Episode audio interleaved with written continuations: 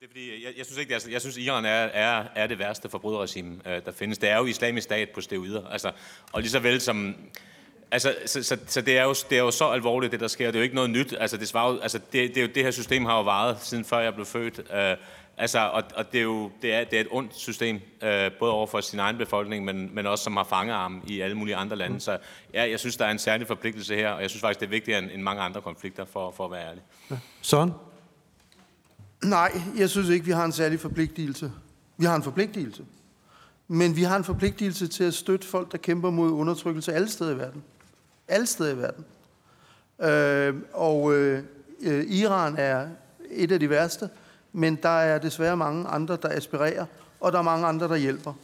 Øh, og derfor er det vores forpligtelse at hjælpe alle, der støtter. Så synes jeg, der ligger, hvad skal vi sige, nogle særlige muligheder, fordi vi i Danmark heldigvis har en stor gruppe af iranske flygtninge i Danmark, som vi kan samarbejde med om at gøre noget.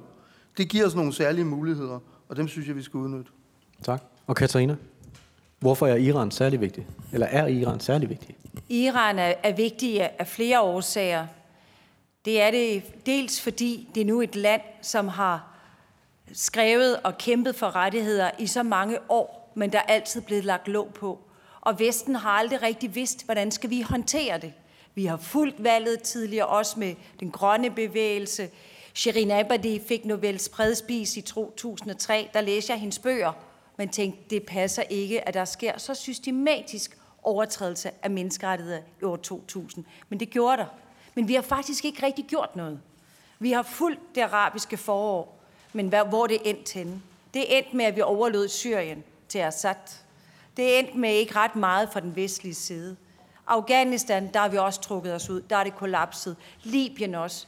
Irak, det har vi heller ikke været så gode med. Så jeg synes også, at Vesten har en forpligtelse nu til at vise, at vi står op for demokrati og rettigheder. Vi er ikke mange lande lige nu, der egentlig har ordentligt demokrati, og vi er nødt til at være den klub, der kæmper for det, både i Ukraine, men sandelig også i Iran.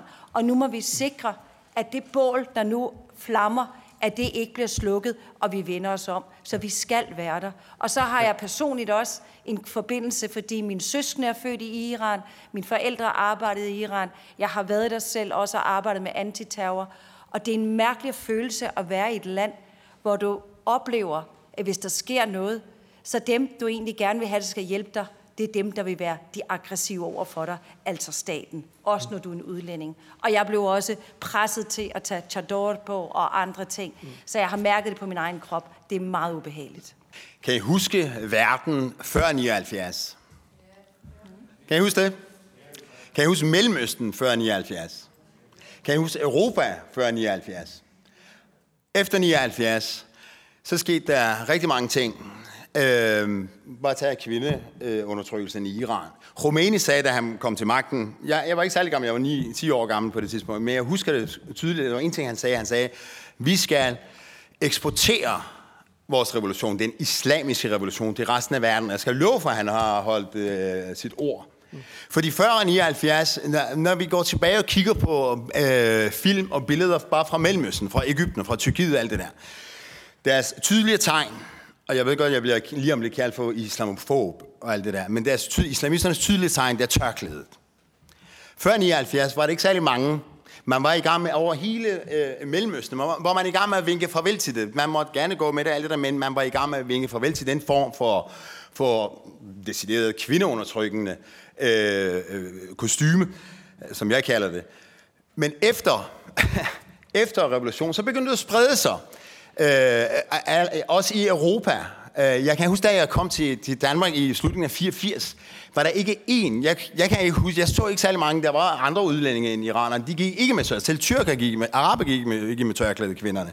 Det eneste, der gik med tørklæde, jeg kan huske min mor, jeg ville, ah, hvem er det? Åh oh, nej, det var mujahediner fra Iran. Det gik med tørklæde, det gør det stadigvæk. Øh, men det hele har ændret sig, så grunden til, at jeg synes, jeg har altid synes, at det, Iran er det vigtigste sted, det er, fordi det er islamisk stat med, med sit eget kalifat. De sidder på pengene og sender det ud. Og det skal bare stoppes ganske, ganske hurtigt.